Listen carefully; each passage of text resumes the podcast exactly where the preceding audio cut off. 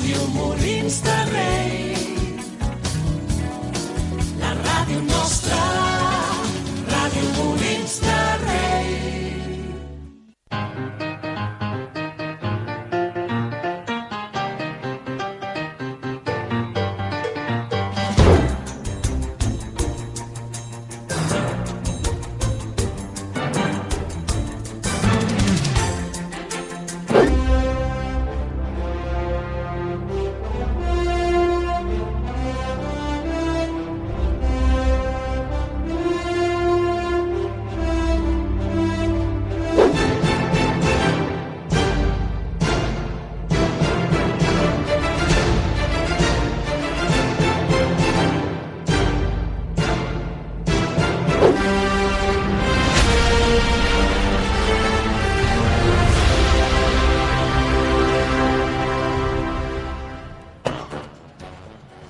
benvinguts i benvingudes a Sense Spoilers, són les 4 i 7 de la tarda o les 9 i 7 del matí a Council Blabs.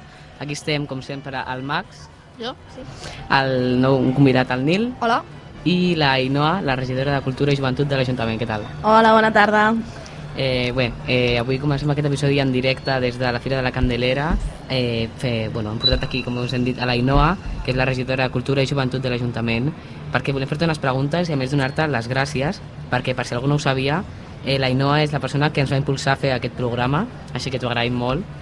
Eh, la Ainoa, eh, quan el Max i jo estàvem al Consell d'Adolescents de Molins de Rei i com a treball final una miqueta vam fer un petit podcast a la ràdio i gràcies a l'Oriol, la Ineu, el Joel i la nostra tècnica, la Eli i avui el Roger, doncs teniu dues setmanes de, cada dues setmanes al sense spoiler. Així que et volíem fer unes petites preguntes. Doncs tota vostra. A veure què em pregunteu. Eh, podries explicar-nos eh, per què tin... la raó de la... per què tindrien els nens d'avui en dia de Molins i inscriure-se al Consell d'Adolescents o d'Infants i quin, quin, quina és la motivació que tenen? Doncs mira, el Consell d'Adolescents i el Consell d'Infants és un espai on el que fem és escoltar els joves de Molins i també els infants quines són les seves inquietuds, més enllà de l'encàrrec que els hi fa l'alca- l'alcalde perquè treballin un tema concret, com és la, el benestar emocional, en el vostre cas, en la vostra edició del Consell d'Adolescents. Aquest any estan treballant l'alimentació la, l'alimentació sostenible, per exemple, o, o la pau al món, eh, per tot el tema de la guerra d'Ucrània. Sabeu que cada any l'alcalde doncs, els hi fa un encàrrec diferent, però més enllà de treballar aquests temes, jo crec que també és un espai on podeu conèixer eh, tots els serveis i totes les opcions que, que té l'Ajuntament, no? I jo crec que, que avui estem aquí a la Fira de la Candelera fent un programa en directe amb vosaltres és un bon exemple. Possiblement Uh, si vosaltres no haguéssiu estat al Consell d'Adolescents i no haguéssiu anat a la ràdio a fer aquell podcast, doncs possiblement avui no estaríem aquí, no? I, i jo crec que el Consell d'Adolescents i el Consell d'Infants també us permet conèixer des de dins, des de dins molts espais que tenim a l'Ajuntament que també estan oberts a, a tota la ciutadania. Doncs sí. Eh, I quina, quina és la teva activitat preferida a fer a la Fira de la Candelera? A mi de la Fira de la Candelera m'agrada gairebé tot, puc dir. M'agrada molt passejar per les paradetes d'artesans, m'agrada molt menjar bons embotits i bons plats que tenim a la Fira Gastronòmica aquest any a la Rambla de la Granja. M'agrada molt anar amb els amics a la Fira de Vins. Eh, jo sóc de les molinenques que surt al carrer divendres a la tarda i possiblement fins diumenge al vespre no, gairebé paro poc per casa, podem dir. Per tant, eh, és difícil quedar-me amb només un espai d'aquesta Fira de la Candelera. I bueno, ja que estem a Sense Spoiler, un podcast de pel·lícules i cinema, llavors tenim un dubte, és quin és el teu gènere de pel·lícula preferit? El meu gènere de pel·lícula preferit? Pues jo diria que depèn del moment. Depèn del moment. Ara estic en un moment en què veig moltes pel·lícules d'animació, perquè no sé si ho sabeu, però tinc un nen de 3 anys que li agraden molt les pel·lícules d'animació. Però també m'agraden molt les pel·lícules romàntiques, també m'agraden molt les comèdies, també m'agrada molt alguna que altra pel·li de terror. Per tant, tinc forces, forces gèneres eh, preferits. Doncs perfecte, perquè avui anem a parlar sobre això, cinema d'animació. I, bueno, aprofitant el tema, tu quin... La teva primera pel·lícula que recordes haver vist al cinema? La meva primera pel·lícula que vaig veure al cinema jo crec que va ser Toy Story. La primera de Toy Story, una pel·li que a mi m'agrada molt personalment i que porto molt, molt arrelada. Però jo crec que va ser una de les primeres.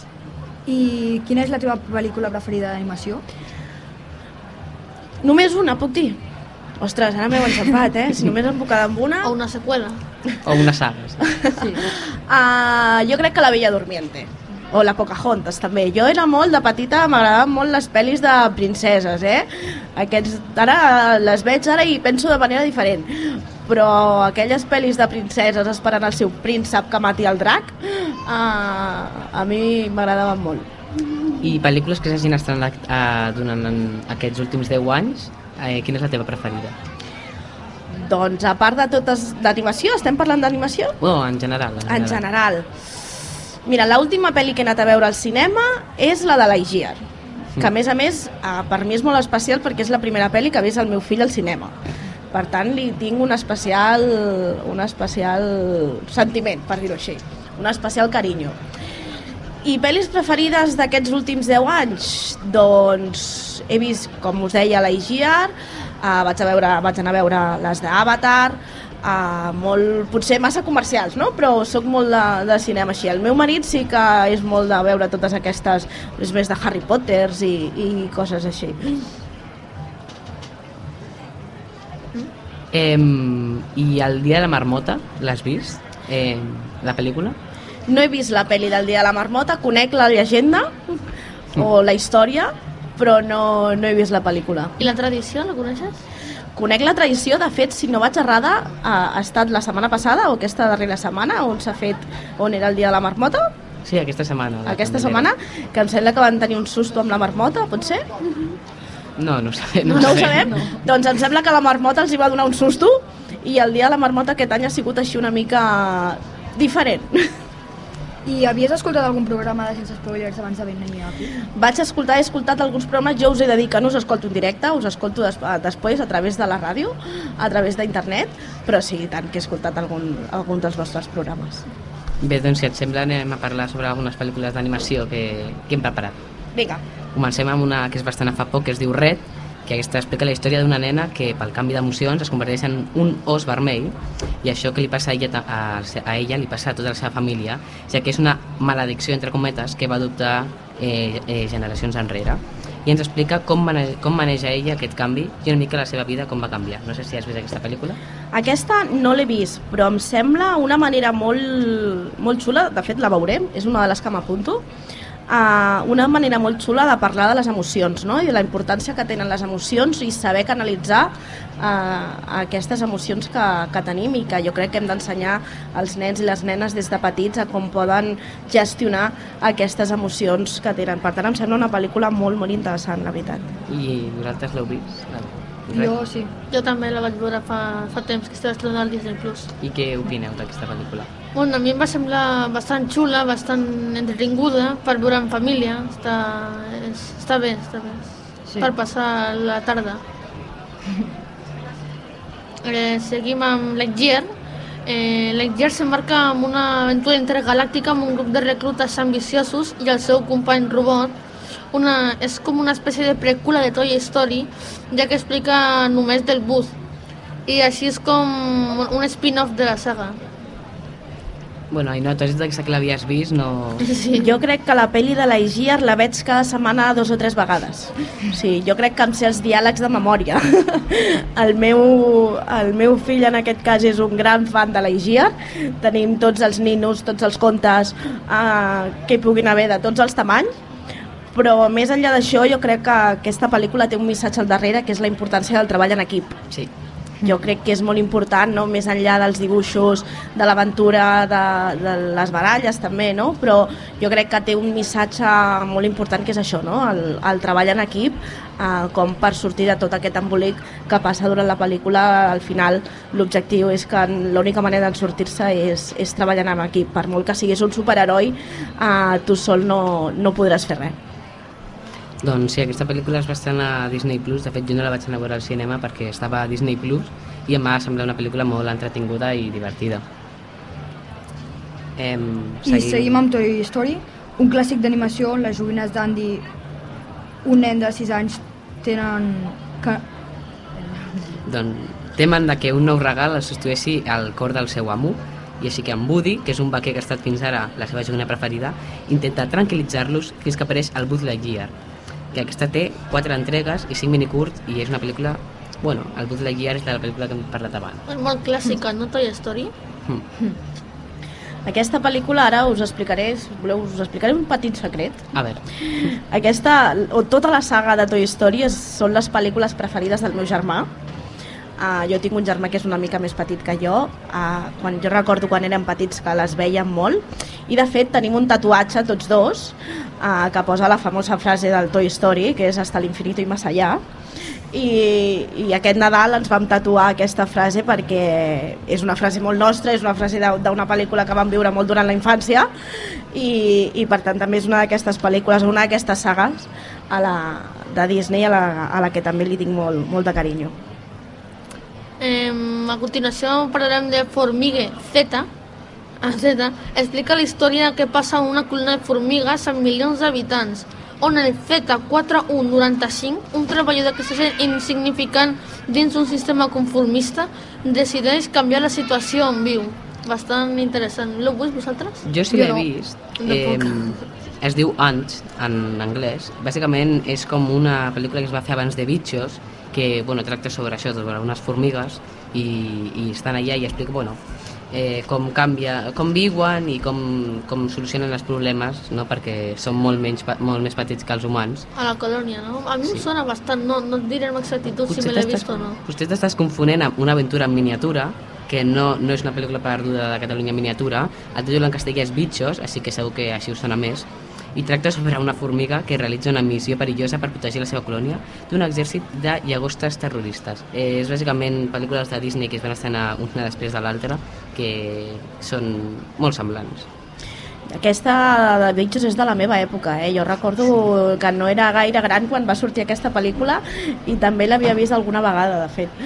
De fet, me l'heu fet recordar perquè jo no me'n recordava d'aquesta pel·li, però ara, ara que ho has anomenat, sí, sí que l'havia vist jo alguna vegada, aquesta de Bitxos. Mm. Eh, Sí. sí? I bueno, també tenim l'era de gel, també coneguda com Ice Age, que és de fa 20 20.000 anys. La Terra era un lloc prehistòric ple de perills, com ara al començament de l'edat de gel. Per evitar quedar congelats, les criatures majestuoses comencen a caminar cap al sud, bueno, a migrar cap al sud. Sí. I Aquesta té moltes pel·lícules, eh, d'Ice Age. Sí, aquesta me'n recordo que les vaig veure fa temps, però no me'n recordo de la, de la trama ara.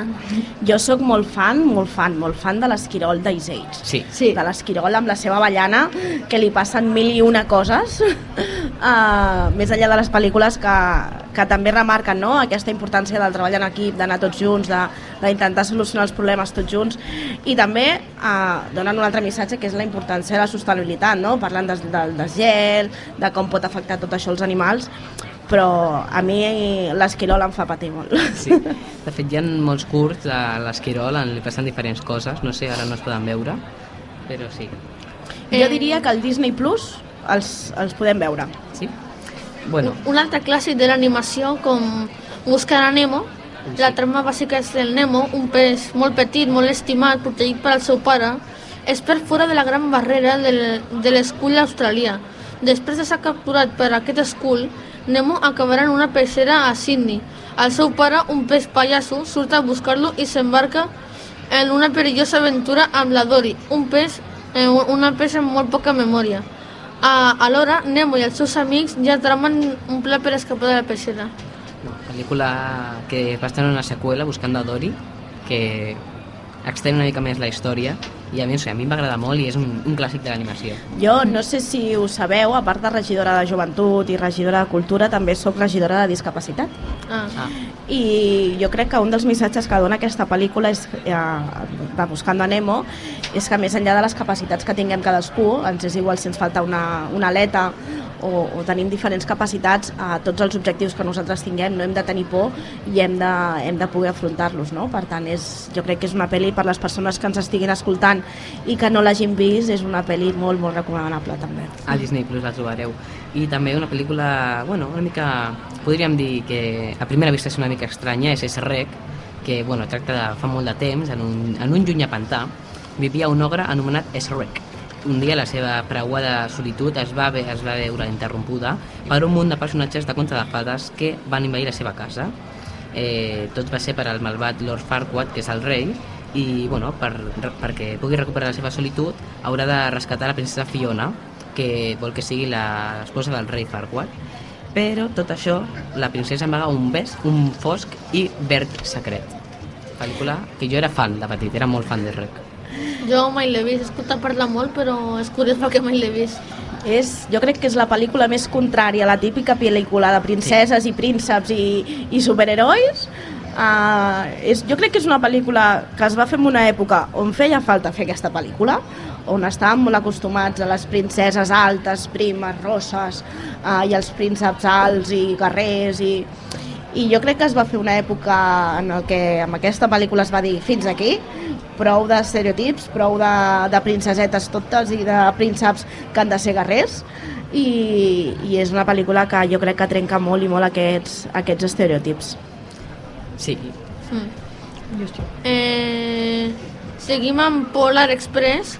És Nadal i un nen intenta sortir de la de les dringandeses de les campanes del tribuno de Santa Claus. A més, només 5 minuts per, per mitjanit un, un soroll sobresalta el noi. Un tren negre lluent frena davant de la seva casa per portar-lo al Pol Nord. Aquesta pel·lícula compta amb una increïble aparició del Tom Hanks. és una pel·lícula que a mi m'agrada molt i no sé, també m'agrada és aquest estil que és com animació actoral que hi ha unes quantes a la llista i no sé, m'agrada també la trama em, al principi em costava entendre però ara ja l'entenc molt, molt més fàcil no sé si l'has vist Jo aquesta, aquesta no l'he vist. No sóc gaire fan, també us ho he de dir, de les pel·lícules del Nadal. Això, aquest, aquest gènere, no?, que sembla un gènere concret, que són pel·lícules del Nadal. També van fer una de Rec, que era només basada en el Nadal. Uh, a mi el Nadal m'agrada estar amb la família, estar amb els amics, i no sóc gaire de mirar pel·lícules, però torno a dir, jo aquesta llista me l'emportaré totes les que esteu dient i faré, i faré visionat. I seguim amb Els Increïbles, un superheroi retirat lluita contra l'avorriment en un subordi i juntament amb la família té l'oportunitat de salvar el món. Aquest compta amb una seqüela l'any 2018. aquesta jo crec que també és un clàssic no? de, Sí, de pel·lícules ha de Disney molts, Pixar eh, de... Ara us explicaré una anècdota amb aquesta pel·lícula. Aquesta va ser la primera pel·lícula que jo vaig anar a veure amb el meu germà. Ja us he dit que abans tenia una... Uh, ja us he dit abans que tenia un germà més petit que jo. I va ser la primera pel·lícula que vaig anar a veure amb el meu germà. Al meu germà li va flipar i jo em vaig a dormir al cinema perquè no em va agradar gens.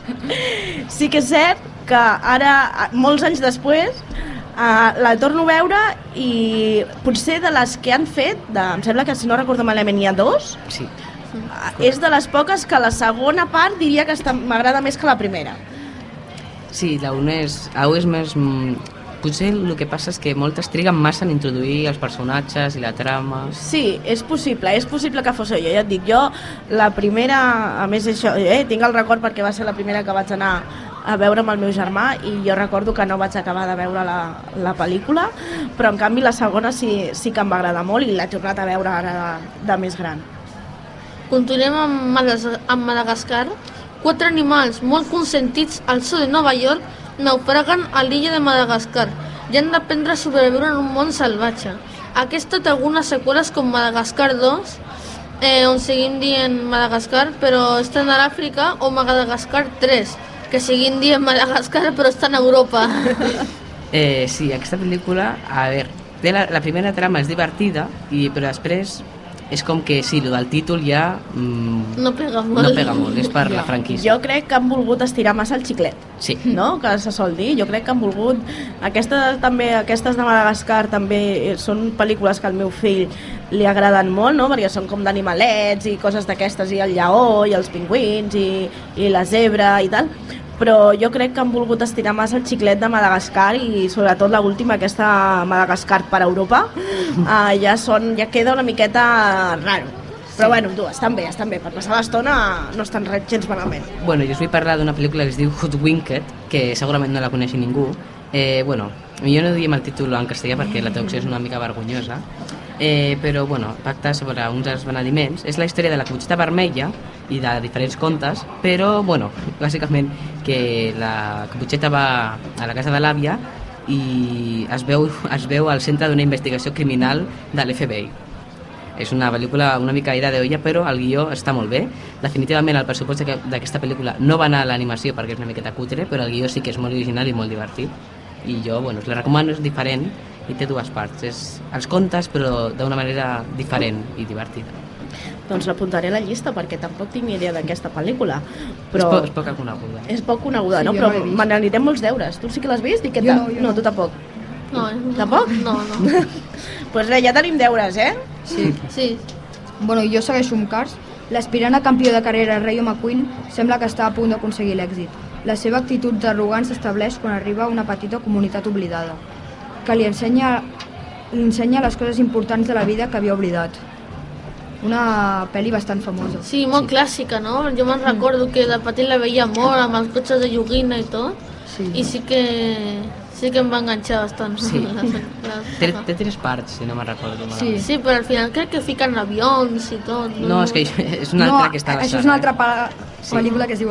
Sí, a la Avions, següent. Ah, sí. us m'he confós, que persones. Jo crec que es va fer molt famosa, com diu el Mans, es va fer molt famosa amb la seva, amb la seva època i, i també té aquest missatge, no? que no per, per molta fama que tinguis, que per molt famós que siguis, eh, no ho tens tot guanyat, no ho tens tot guanyat, tu has de treballar, has d'esforçar-te i, i entrem en, en aquest àmbit no? d'aquestes pel·lícules eh, que sempre tenen un segon missatge com més subliminal que moltes vegades ens quedem només amb els cotxes, mira que guais són els cotxes o els avions o els camions o, o, o això, però també tenen aquest missatge que també fan que els nens aprenguin no? la importància de, de treballar-se les coses, la importància del, de l'esforç, de, de no donar res per, per guanyat sense, sense haver començat encara. Bueno, jo vinc a parlar de The B-Movie, que és una pel·lícula bueno, una miqueta estranya, ¿vale? perquè després de graduar-se a la Universitat de Formigues, o sigui, d'abelles, la inquieta Abella Parry surt per primera vegada del seu rus i acaba a Manhattan. Allà coneix a una, a una florista anomenada Vanessa i es farà la seva amiga. Aquesta pel·lícula està classificada com a tots els públics, però no, realment no té res d'infantil, ja que bueno, és una mica té alguns acudits fora de lloc i de fet el guionista diu que, que no estava pensada per nens ja que aquesta vella s'enamora d'una humana i cada dos per tres li estira la canya eh, és bàsicament tot el que té és un, tot, té tot el, totes les coses necessàries per ser un programa d'Adult Swim però està classificada com a públic general Jo crec que és un d'aquests errors que quan, Sí. tots quan veiem la pel·li diem, en sèrio? De debò això és una pel·li infantil? Uh, jo crec que s'haurien de fer mirar i, Sí. i tornar a catalogar-la, no? aquesta classificació, perquè jo crec que aquí els senyors i les senyores que cataloguen les pel·lícules jo crec que aquí es van colar. sí. Sí. Bueno, un, un- una pel·lícula que a mi em va agradar molt, molt, molt de petit és eh, Kung Fu Panda. Eh, una colla pat, um, de patossos i, i va ser escollit per complir l'antiga profecia. S'ha de convertir, bueno, un os, s'ha de convertir en un, en un expert de les arts marcials i defensar la seva gent d'un geopard de les, neu, de, de les neus terrible. Jo me'n recordo aquesta pel·lícula que la veia tota l'estona i com tinc un germà, val? Eh, feien com de diferents personatges i sempre ens intentaven com així, com barallar com els del Kung Fu Panda i agafar una o així, però mai podíem fer-ho perquè no ens deixaven. Doncs aquesta franquícia jo crec que va fer una cosa diferent perquè en comptes de fer pel·lícules, que va fer les seves també, 1, 2, 3, es va, eh, va intentar més fer curts eh, i minissèries que de fet eh, fa, fa poc eh, encara estan fent una sèrie de Kung Fu Panda o sigui, jo crec que aquesta franquícia li ha anat bé perquè eren com subhistòries i, i no sé, i a mi em va agradar I seguim amb Ratatouille. En Remy és una rata que aprecia el bon menjar i té un paladar molt sofisticat. El seu somni és convertir-se algun dia en un gran xef francès malgrat l'oposició de la família. pel·lícula clàssica i, i que tracta també sobre, bueno, té diferents... el que està fet perquè els nens vegin la rata, el, el remí, però realment té un significat i a mi m'agrada. També parla sobre el menjar, eh, sobre París i, bueno, està entretinguda aquesta pel·lícula. Sí, a mi, a mi jo de petit crec que la vaig veure, però he escoltat moltes crítiques negatives d'aquesta pel·lícula. I donaré l'entrada a Wall-E, que des Wall-E, també coneguda com a Wall-E, eh, després de centenars d'anys fent, fent allò per al que s'ha construït, netejar el planeta d'escombraries, el petit robot Wally, eh, molt, bon, molt cuco per ser així petit, d'esto, té una nova missió, eh, quan coneix la Eva, que és una altra. Bastant... Sí, és, és molt cuco. Wally és molt... és molt cuco, molt petit, així molt adorable. Jo No. aquesta de Wally, de Wally no l'he vist. No, no us puc dir què opino perquè no l'he vist. Per tant, em deixo aconsellar si val la pena o no val la pena veure. Té, que bueno, sí. tracta també sobre el, el medi ambient, sobre com el món està destrossat, hi ha creuers espacials i té una història d'amor entre robots i... És eh, més o menys cap a, cap a on Sí. anem, bàsicament. Cap, cap al sí, futur. Una mica Sí. com un futur capitalista, no? Amb els rics i tot, que es fiquen a la nau i tot, Ah. però també està, està bé per al teu fill i podria agradar segurament. M'ho apunto, m'ho apunto. Ja I veig, això sí que ah, jo crec que de totes les pel·lícules que hem vist, a cap falten les històries d'amor, eh? Jo crec que sigui una pel·lícula o sigui una altra, en algun moment una història d'amor sembla que sempre surt. Sí, bueno, hi ha una pel·lícula que segurament no, no coneixeu, però és de Disney Pixar, es diu Bolt, que és un supergo, superheroi gos que és la estrella d'un programa de televisió superexitós. Però ella es pensa que els seus poders són de veritat. I, bueno, i quan creu que la seva propietària està en perill de veritat i no sap que és un episodi de la sèrie, s'embarca en un llarg viatge a l'altra punta dels Estats Units per salvar-li la vida. Jo aquesta no l'he vist. Millor. L'hauríeu de veure, està molt entretinguda, és molt interessant. I Ui, aquesta segur que molta gent la coneix, no? sí, Hombre, Eh, hombre, aquest és un clàssic, eh? una pel·li Aquí- bastant famosa que és Up, eh, que va sobre un home que és, es diu Car Carl Fredricksen, és un vidu venedor de globus de 78 anys que finalment aconsegueix dur a terme el seu somni de la vida, que és enganxar milers de globus a casa, a casa seva i sortir volant eh, rumb a Amèrica del Sud. Jo me'n recordo, la vaig veure aquesta i he vist moltes vegades. Comença trista. Comença, Sí, comença tristota. trista. Comença trist, comença jo crec que aquí, almenys a mi, alguna llagrimeta m'ha fet sortir, eh? A mi em recordava molt els meus avis. Aquesta història d'amor de tota la vida, d'una parella d'avis, en aquest cas, que han viscut tota la vida junts i que, i, i quan un dels dos falta encara els hi queden somnis per complir i, i la persona que queda doncs, fa aquest esforç, com en aquest cas d'omplir la casa de globus, per tal de poder complir el somni, en aquest cas de la seva dona, eh, d'anar a Amèrica del Sud. Eh, continuo amb Project de Mandonguillas, o Lluvia del Bòndigues, també se la coneix. Eh, quan la ciutat de Swallow Falls viu moments difícils, la població només pot menjar sardines. Flint Lockwood, un inventor fracassat, crec, creu que té la resposta per a la queixa de la ciutat, que no direm quina és, però té un títol que, que diu massa. Jo aquesta sí que he escoltat crítiques molt dolentes, que no, no l'he vist, però sí que he escoltat que res bo. A mi em va agradar. De fet, té una segona entrega, que potser ja la segona és una mica sobrant, però la primera té una idea original i crec que la, la apliquen bé. No, sé l'he si l'heu vist. aquesta. Jo tampoc l'he vist, però amb aquest títol m'entren ganes de dinar amb anguilles, no de, de veure la pel·li. Però oi, si dieu que està bé, doncs la veurem. Bueno, una pel·lícula que també és semblant a la de Polar Express perquè ella a més és nadalenca i té una versió animada actoral eh, és Conte de Nadal eh, on el Ebenezer Scrooge comença les seves vacances de Nadal amb la seva habitual actitud menys prenyadora i els seus models bruscos cap al seu fidel empleat Bob Cratchit és la típica història eh, bueno, que tots coneixem però és una versió animada i actoral que és com que l'han gravat amb actors i després l'han fet com un filtre de dibuixos animats llavors aquest, Ah. aquest, fil, aquest mode a mi m'agrada Això l'he vist jo que van com a mostratges, potser, no? Que tenen diferents punts estratègics i quan es mouen, es veu amb el personatge es mou igual, no sé. no, però és literalment que els graven i els posen com, els dibuixen per sobre no sé com ho fan però està molt, està molt cool Jo he vist que fan algunes amb tatxes verds, no? Fiquen com punts, no? I quan es mouen, després es veu el personatge que els imita. Doncs jo tampoc he vist, cap pel·lícula d'aquest tipus, però m'informaré perquè em sembla molt interessant aquesta manera de, de gravar les pel·lícules. i la següent, segurament l'hagueu vist Eh, Despli- Desplicable Mi és de Gru. Mentre intentava complir el seu diabòlic pla per robar-se a la lluna, l'acte criminal més increïble de la història. Un supervillà enfronta el repte més gran, tres petites ofrendres que desitgen convertir-lo en el pare.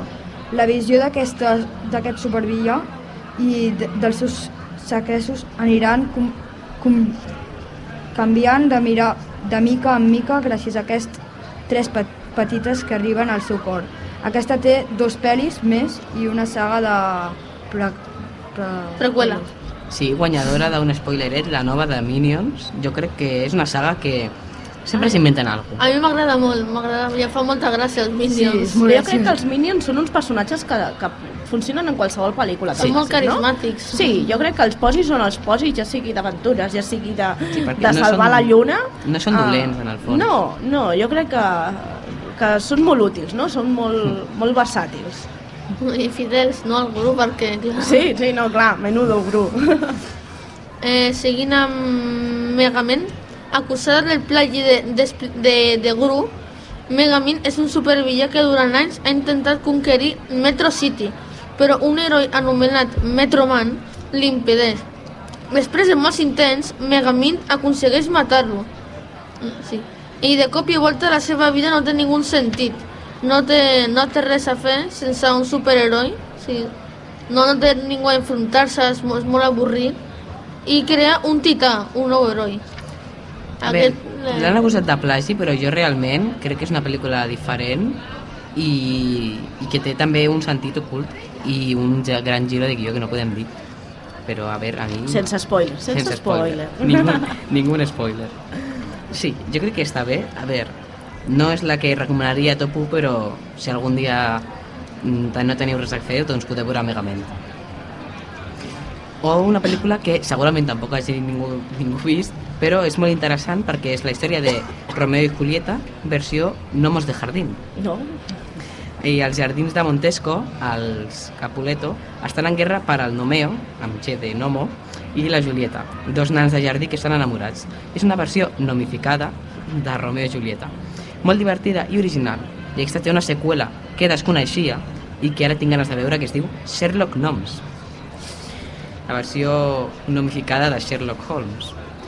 Jo no he vist aquesta, aquesta versió, però crec que és important també eh, aquestes grans històries eh, que tenim de literatura poder apropar-les a- al món més infantil perquè estic segura que hi haurà molts nens i moltes nenes i molts joves que, que no llegiran mai Romeo i Julieta però crec que és important que tinguin aquest coneixement i potser eh, veient aquest tipus de pel·lícules o aquest tipus de seqüeles doncs els, els hi desperti aquest neguit de, de conèixer realment eh, doncs de llegir ja sigui o Romeo i Julieta o ja sigui Sherlock Holmes. Eh, per tant jo crec que és important fer aquest tipus de, de pel·lícules també per intentar despertar aquestes inquietuds i, i aquest interès respecte a grans obres de la literatura que tenim eh, que, que per sort tenim Eh, bueno, continuem amb les aventures de Tintín, el secret de l'unicorn.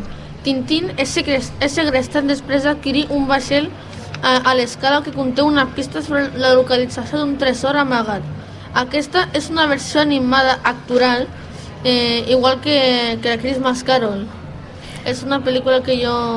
A mi m'ha agradat bastant, la vaig veure fa temps i és com a tots els còmics. És com, com la de Marvel, no? Una si, mica. si vols entrar en el tema aquest animal actual, doncs potser les aventures de Tintín, que és una mica més potser entretinguda que Conta de Nadal, doncs podria ser una bona opció. Jo de Tintín, uh, potser és per la diferència que tenim també d'edat, jo de Tintín recordo molt els còmics. Jo de petita tenia còmics de Tintín, no tenia pel·lícules. Jo llegia No. els còmics de Tintín. Uh, I i m'agrada saber que, no, no ho sabia, eh, de fet, que encara es fan pel·lícules de Tintín, que per tant veuré, perquè potser dels còmics que jo llegia de petita, ara n'estan fent, fent les pel·lícules. Sí, és, mm, bueno, és una versió que té l'estil aquest com de dibuix, però com versió actual i és molt entretinguda.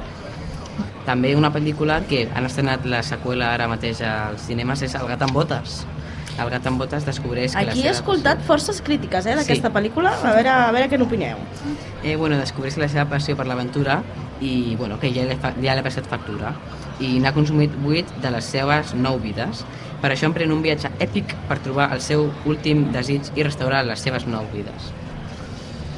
Jo he escoltat, a mi, de fet, uh, hi ha diverses persones que m'han dit Ainhoa, ni se t'acudeixi portar el teu nen a veure el gat amb botes perquè sortirà amb por. jo, per tant, no l'he vist, però sí que les crítiques que he rebut no han sigut positives. Quan es pot esperar que surt a streaming, no? I després tu veus sobre Sí, com i és. valoraré. No sé, vosaltres l'heu vist, el gat amb botes? Jo la 1 sí, la segona no. Però a veure, la 1... Jo he vist la, la que ja de tota la vida, no? Que hi havia de Sí, sempre. és, és aquesta. La 2 no, la, no he tingut l'oportunitat de veure-la, però la 1, a veure, por no, por no, és que fa, sí, és la història de, de les al·lúvies màgiques, mm, versió gat amb botes. No sé la 2 com serà, jo, a veure, la 1 no, no, no la recordo malament, fa, també la faig veure fa bastant de temps, però sí, potser si estigués a algun streaming la veus i, i, I valorem, i, la, no? i valorem. Però ja et dic, jo inclús les, algunes crítiques que he llegit per al diari i per xarxes i tal, no, no m'han semblat gaire, gaire positives aquestes, aquestes crítiques, però és que tot és veure-ho i valorar-ho tu mateix. I bueno, seguim amb avions, que eh, després de l'èxit de Cars, eh, Disney estrena avions on el Lucy és un avió que somia parti participar en una competició aèria de, dels vols, tot i això, per aconseguir-ho, primer haurà d'afrontar la seva por a les altures, és a dir, que no pot volar. Per superar la por, recorre a un experiment recorre a un experimentat aviador naval que aj- l'ajuda a classificar-se per la cursa. Dusi demostra el seu valor per, el seu valor per assolir alçades in, imaginables i ensenyar a to tothom que és possible superar les pors quan té un somni. Aquesta va venir una seqüela i tot. Aquesta era la que m'he confós abans de Sí. Cars. Sí. I clar, com la vaig veure fa molt de temps, pensava que era la mateixa, que la ficarem per alguna cosa. Bueno, és, és que jo crec que, de fet, amb aquesta pel·lícula d'avions, jo crec que davant de l'èxit de Cars van dir, mira, Sí. girem per aquí, en comptes de fer cotxes, fem avions, i si funciona, això que ens emportem. Sí. No? Jo crec que és Jo això que parlàvem abans d'estirar el xiclet, tot i, en, i que en, en aquest cas, en la pel·lícula Avions, l'argument és diferent, no? Però, però jo crec que els senyors i senyores de Pixar van dir, mira, com els cotxes ens han funcionat, anem a veure què tal ens funcionen els avions. Jo la vaig veure fa bastant i tinc bastant bons records, però no me'n recordo exactament de... Jo la vaig veure al cinema, si no me'n recordo malament, la de la d'avions. Eh, bueno, i seguim amb Big Hero 6. Eh, ara s'ha estrenat una minissèrie de curs a Disney Plus, eh, bueno, Baymax torna a la seva popularitat quan un gir inesperat de, d'esdeveniments sorgeix enmig d'un perillós pla. Un nen prodigi, el seu robot eh, i els seus amics converteixen en herois de tecnologia en una missió per salvar la seva ciutat. Jo la vaig veure fa molt de temps però no me'n recordo de què va, o sigui, me'n recordo del robot, de, de com és així, blanc, gran, del personatge, però si em preguntes per la història no en sabria dir res, no sé. Comença tristota també, comença tristota. Eh, però sí que el Baymax et fa recuperar les alegries perquè és un personatge doncs molt mono i, i sí, no, sí que no recordo exactament, crec que és perquè hi ha com un biliar robot, però sí que no, no et sabria dir exactament per què eh, es fan herois i amb contra qui lluiten. Bueno, bueno, és per salvar la seva ciutat, però no et sabria dir ara qui és el billar. La trama, no?, una mica. És una pel·lícula, bueno, està divertida. Eh, comença tristota, tracta una mica sobre els robots, del futur, i... Sí, està entretingut. I ara eh, una pel·lícula que no, no posis el teu fill aquesta, eh? Es diu Els traumes de Cor eh, dic, Els mons de Coraline, que. Laika és una productora famosa per les seves pel·lícules túrbies i de por. Però aquesta és definitivament la més túrbia i només té un meset d'edat.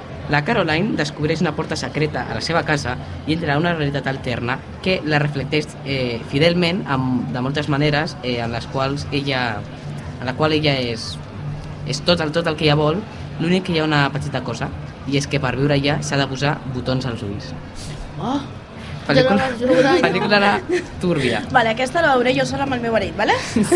A mi em va donar malsons, me recordo, perquè saps les típiques pel·lícules que tu veus allà a les 6 de la tarda, després haver descansat una mica després d'allà i dius, anem a veure una pel·lícula. Sí. I me recordo que era un dia d'aquests d'hivern que enfosquia molt d'hora i hi havia unes escenes que sortien amb fantasmes i tots, amb els ulls, i també que sucosís, i jo me recordo, vaig ser una temporada intranquil. Sí, perquè sembla com, ah, mira, de nens, i després veus... Sí, aquesta és una de les altres que amb, amb això dels set, més 7 anys també es van colar, eh? Sí, I bueno, seguint amb dins, de dins de fora, també dit com Inside Out, la, la Rayleigh acaba de néixer i al centre del control de la seva petita ment només hi ha lloc a l'alegria.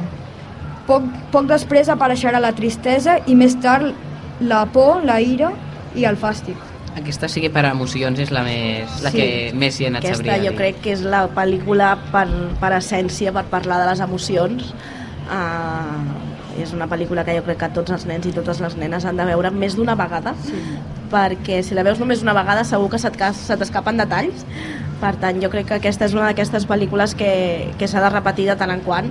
Uh, Petits i grans, eh? Petits i grans, sí, sí, tota la a raó. nosaltres a l'institut ens van fer un projecte de, de les emocions i vam tenir, ten- vam tenir que veure aquesta pel·lícula, jo la vaig veure de petit, més o menys sabia per on anava, no? però no sé, jo és una pel·lícula que a veure, que no és que, és que a mi el tema de les emocions i tot no, no és una que m'apassioni, per exemple.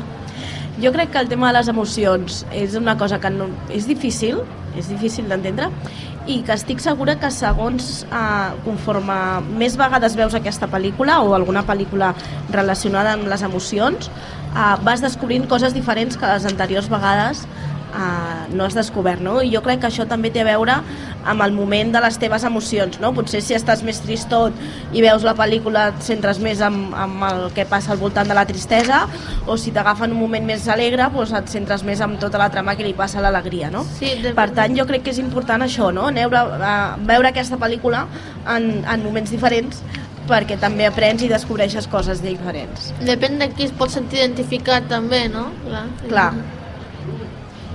Eh, bueno, continuarem amb, amb Trenca Ralph o Romper Ralph, per conèixer en castellà, i cansat de ser el dolent de la història, Ralph decideix prendre l'assumpte amb les seves pròpies i gegants mans. Comença un viatge a través dels videojocs que conviuen als recreatius per demostrar al món que també vol ser un heroi. Jo aquesta pel·lícula me'n recordo que la vaig veure fa poc, però Bueno, fa poc no, fa, farà un any o cosa d'un any, però em va agradar molt perquè clar, també, clar, la cosa de ser sempre el dolent i ara que vulgui ser el bo també bueno, t'explica tot el que li costa i tot i van treure una segona part que ara no sé, drop internet crec sí, que era però aquesta ja no té res a veure amb lo de ser bo o ser dolent. no, sí, sí, ja, jo crec que la millor és la primera Sí, sempre. aquesta sí que li pots ficar teu fill Vale. i si t'agradaven els recreatius, els jocs clàssics també fan moltes, moltes referències Vale, m'ho apunto, perquè Bueno. aquesta tampoc la tenia vista. I jo de Zootopia no llegiré molt el guió, però el que vull fer una reflexió, i és que aquesta pel·lícula eh, realment tracta sobre el futur, són una, una zotròpolis, una metròpolis on viuen tota mena de mamífers i animals, però realment té una cosa amagada i és que eh, hi ha els, els salvatges i, els, i els, les preses i els depredadors i crec que la versió antiga que no es va publicar explicava molt més això i bueno, si voleu eh, us deixarem potser a la descripció de Spotify un enllaç a un vídeo perquè realment la seva versió era molt més molt més túrbia i explicava molt més eh, les diferències i, i sobre els depredadors i les preses. Però bueno, crec que aquesta també té algunes escenes sobre que bueno, no fa por però potser una miqueta pot sobre, sobresortir bàsicament és que a prop d'on viu la ciutat eh, de Judy Hobbs és una conilleta que no s'assembla gens als seus 275 germans ni als seus pares ella vol ser una policia i vol ser, vol ser policia Zootrópolis vist. i tot això descobreix que treballar en un cos que tots són animals, mesurons, són molt durs i enormes, no és tan fàcil com, com ella creu, però ho aconsegueix al final. Jo crec que aquesta és una de les pel·lícules com passa, per exemple, com hem parlat abans amb Esrec, que és una, una pel·lícula que va néixer per trencar estereotips, no? Uh, moltes vegades uh, les dones, en aquest cas, ens trobem en moments en el que sembla que per ser dones no podem fer segons quines feines no podem fer segons quines coses, no? I jo crec que aquesta pel·li té el missatge uh, sobretot de cara a les nenes més petites que diu això, no? que et diguin el que diguin, no pel fet de ser dona o en aquest cas pel fet de ser una collinilleta, no pots ser policia o no pots, fer, no pots ser allò que, que vulguis ser.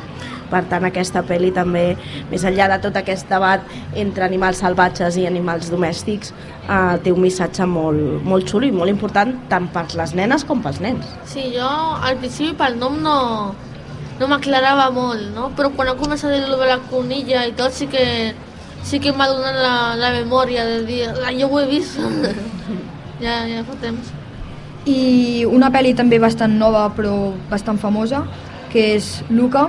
En un poble bonic a la ribera italiana, Luca i Alberto gaudeixen de l'estiu mentre intenten amagar el seu gran secret.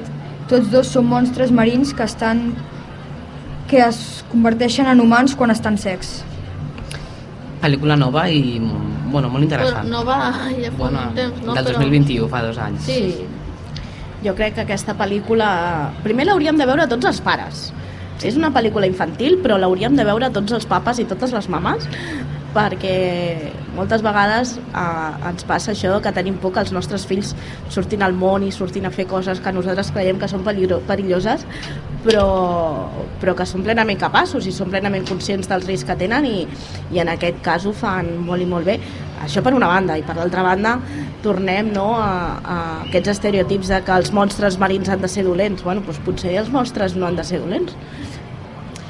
Mm, eh, continuarem amb una història que segurament quasi tothom d'aquí coneix perquè és crec que el segon, va ser el segon llibre més venut de la història que és El petit príncep i per si bueno, eh, aquesta pel·lícula que vam poder gaudir al Foment, la vam veure aquí al costat del Foment que gràcies a l'Ajuntament perquè jo recordo que a vegades durant la primària un cop al curs anàvem a veure si nosaltres a, al nit no sé però a la, nosaltres a l'Estel sempre anàvem un cop a l'any a veure al Foment alguna pel·lícula i ens ficaven d'aquestes no?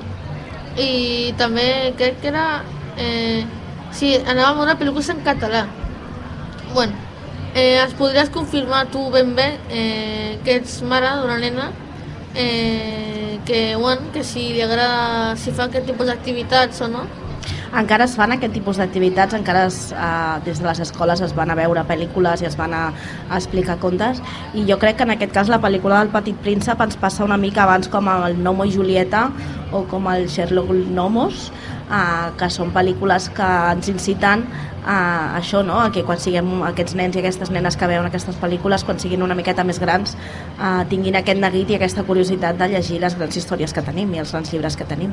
Sí, jo la, no sé la vostra vosaltres, però la meva família té una tradició que sempre que viatgem a algun país comprem una versió amb aquell idioma del Petit Príncep i tenim en italià, en francès i, no, i en català, castellà. Ostres, doncs em sembla una tradició superxula, eh? Sí, clar, i tenim allà, a la biblioteca tenim com dos o tres, no, així més o menys. Uns quants, si dius al final, vull llegir-me el llibre, i quin agafo, perquè no el trobo el que tenc. També Valerina, que és una pel·lícula que també vam anar a veure al Foment, eh, tracta sobre la Felícia, que és una nena que després de perdre els seus pares viu en un orfenat eh, a la seva Gran Bretanya natal. Només té un somni, que és ser ballarina professional. Eh, per això comptarà amb l'ajuda del seu amic Víctor, eh, un jove inventor amb qui compartirà moltes i divertides aventures a la màgica ciutat de París. No sé si l'heu vist. Bueno, tu sí, Max. Eh, crec que la vaig veure, que era... Sí, al Foment la vam, la vam veure. Sí, sí, em, em sona però no, no, no sabria dir. Sí, jo, sí, jo crec que la vam veure amb l'Estel, no? Sí. A, a clar, com sempre anàvem, ens, ens anàvem ficant pel·lícules i crec que aquesta va ser una. Bueno, jo, és una pel·lícula xula però no, no, puc donar molt, no puc donar molt la meva opinió perquè no, no, no sé dir res de la pel·lícula. A mi aquesta pel·lícula em recorda molt, moltíssim, moltíssim el meu millor amic. El meu millor amic es diu Jordi. Som amics des de que anàvem a l'escola Bressol. Uh, és a dir, que fa uns 30 anys que som amics, aproximadament, i, i aquesta relació que tenen els dos protagonistes doncs, em fa recordar molt la relació que tinc amb ell. Per tant, també és una pel·li que, que recomano molt perquè la trobo molt, molt i molt xula i aquesta importància també de, de l'amistat. Mm. Eh, bueno, doncs continuarem amb el viatge de, del Ario. Al final del període Cretaci, un asteroide es dirigeix a tota velocitat a la Terra, però passa de llarg. Milions d'anys després, els dinosaures han après a parlar, construir i cultivar. O sigui, és com una mena de... Un, un, no sé si heu vist la de What If, de Marvel, de què passaria si. És una mica amb la història de la humanitat, no? S'haguessin sobreviscut els dinosaures. Sí, i bueno, per això comptarà amb l'ajuda del seu millor amic, en Víctor, un jove inventor qui comptarà amb, compartirà moltes i divertides aventures a la màgica ciutat de... Ah, no, no m'he confós. bueno, bà- bàsicament això, no? Que, que viuen allà, no? Els dinosaures, entre ells, compartint... Sí, bàsicament és com si nosaltres ara fossin dinosaures, no? Té també la seva part trista, eh, aquesta pel·lícula. Sí, crec que té una bona que no... Que jo amb aquestes pel·lícules jo no... Jo em perdo, perquè fa tot molt que no les vaig veure. Bueno, és realment seminova, diguem, no és, crec que més enllà del 2010. I també una pel·lícula que aquesta sí que és nova és El Rondon Error. El Barney, un nen de 11 anys, descobreix que el seu amic robot no funciona del tot perquè ha estat malmès durant el transport a entregar-lo. És una pel·liculassa que es va traduir al català i la podeu veure a Netflix, no sé si l'heu vist. No Jo l'he no. vist. No, És però... com un robot que, ai, tothom té el robot, però llavors aconsegueix el robot, eh, però està malmès, llavors mm, primer no el vol, però després es van fent amics. I haurà Sí. d'intentar salvar-lo perquè l'empresa el vol, el vol arreglar. Ara amb les pel·lícules en català sí que hi ha cada vegada més al Prime Video eh, hi, ha, hi ha unes quantes pel·lícules que sí que he escoltat que s'han que s'han traduït És molt important també que aquestes pel·lícules, sobretot aquestes plataformes que creen tantíssim de contingut, perquè tenim Netflix, tenim Prime Video, tenim Disney+, Plus, eh, que també tradueixin o que també versionin en català perquè al final és la nostra llengua i, i també l'hem de cuidar i una de les maneres de cuidar-la i de mantenir-la viva és també que aquestes plataformes doncs, també, també se la facin seva. Sí, perquè ara amb de les xarxes cada cop es parla menys el català. Sí, tota la raó. Malauradament, per això jo crec que també és important que fem aquest tipus de programes de ràdio, aquesta ràdio local en català, eh, perquè si nosaltres no defensem el català i si nosaltres no parlem en català, d'aquí uns anys ningú se'n recordarà. Per tant, és important que tots fem, fem alcem la veu. sí. Eh, continuarem amb Aladdin i Aladdin és un, és un jove enginyós que viu a l'extrema pobresa i somia casar-se amb la bella filla del sultà, la princesa Yasmin. El destí intervé quan l'astut eh, vis, eh, visir del sultà, Jafar, recluta a l'Aladdin perquè l'ajudi a recuperar un llum màgic a les profunditats de la cova de les, de les meravelles. Aladdin troba un llum meravellós amb un geni a dins. Els seus desitjos comencen a fer-se realitat, no? Jo crec que tothom ha escoltat, no? és com el que has dit, no?, del Tintín de on altres pel·lícules que història les fan a les pel·lícules perquè la gent com que s'interessi, no? A mi Aladdin és una pel·lícula que m'encanta, m'encanta la pel·lícula de dibuixos i també m'encanta la versió que van fer més tard amb el Will Smith. Aquesta és la que amb- jo he vist, la més nova. Sí, uh, jo crec que és una pel·lícula molt divertida i, i molt, molt interessant. A mi m'agrada molt Aladdin, de fet, la versió nova potser no m'agrada tant per el que no té tants... Bueno, no, no pots jugar tant amb la forma del geni com es fa a la pel·lícula, però m'agrada, és una bona adaptació que han fet. Bé, ja estem acabant el, el programa i bueno, només dir-vos que moltes gràcies a tots els que heu vingut aquí de públic a la Biblioteca al Molí, a tots els que esteu escoltant en directe a Spotify i a tu, Ainhoa, per haver vingut aquí a parlar de cinema. Sí, Moltes gràcies a vosaltres per convidar-me, desitjar-vos que feu molts i molts més programes i tant de bo l'any que ve a la Fira ens tornem a veure aquí per parlar de cinema. mm, sí. Ja, ja ens trobarem. Segur que sí. Eh, doncs bé, ens, des d'aquí ens diem adeu i recordar-vos que la setmana que ve dijous tindrem programa amb... Bueno, no us podem dir molt més perquè no us volem fer spoiler, però tindrem programa nou a Ràdio Molins, així que no us ho podeu perdre. A Spotify, Ràdio Molins i... i on vulgueu. Eh, des d'aquí us volem dir adeu i... i ja està. Adeu. Bona fira. Adéu.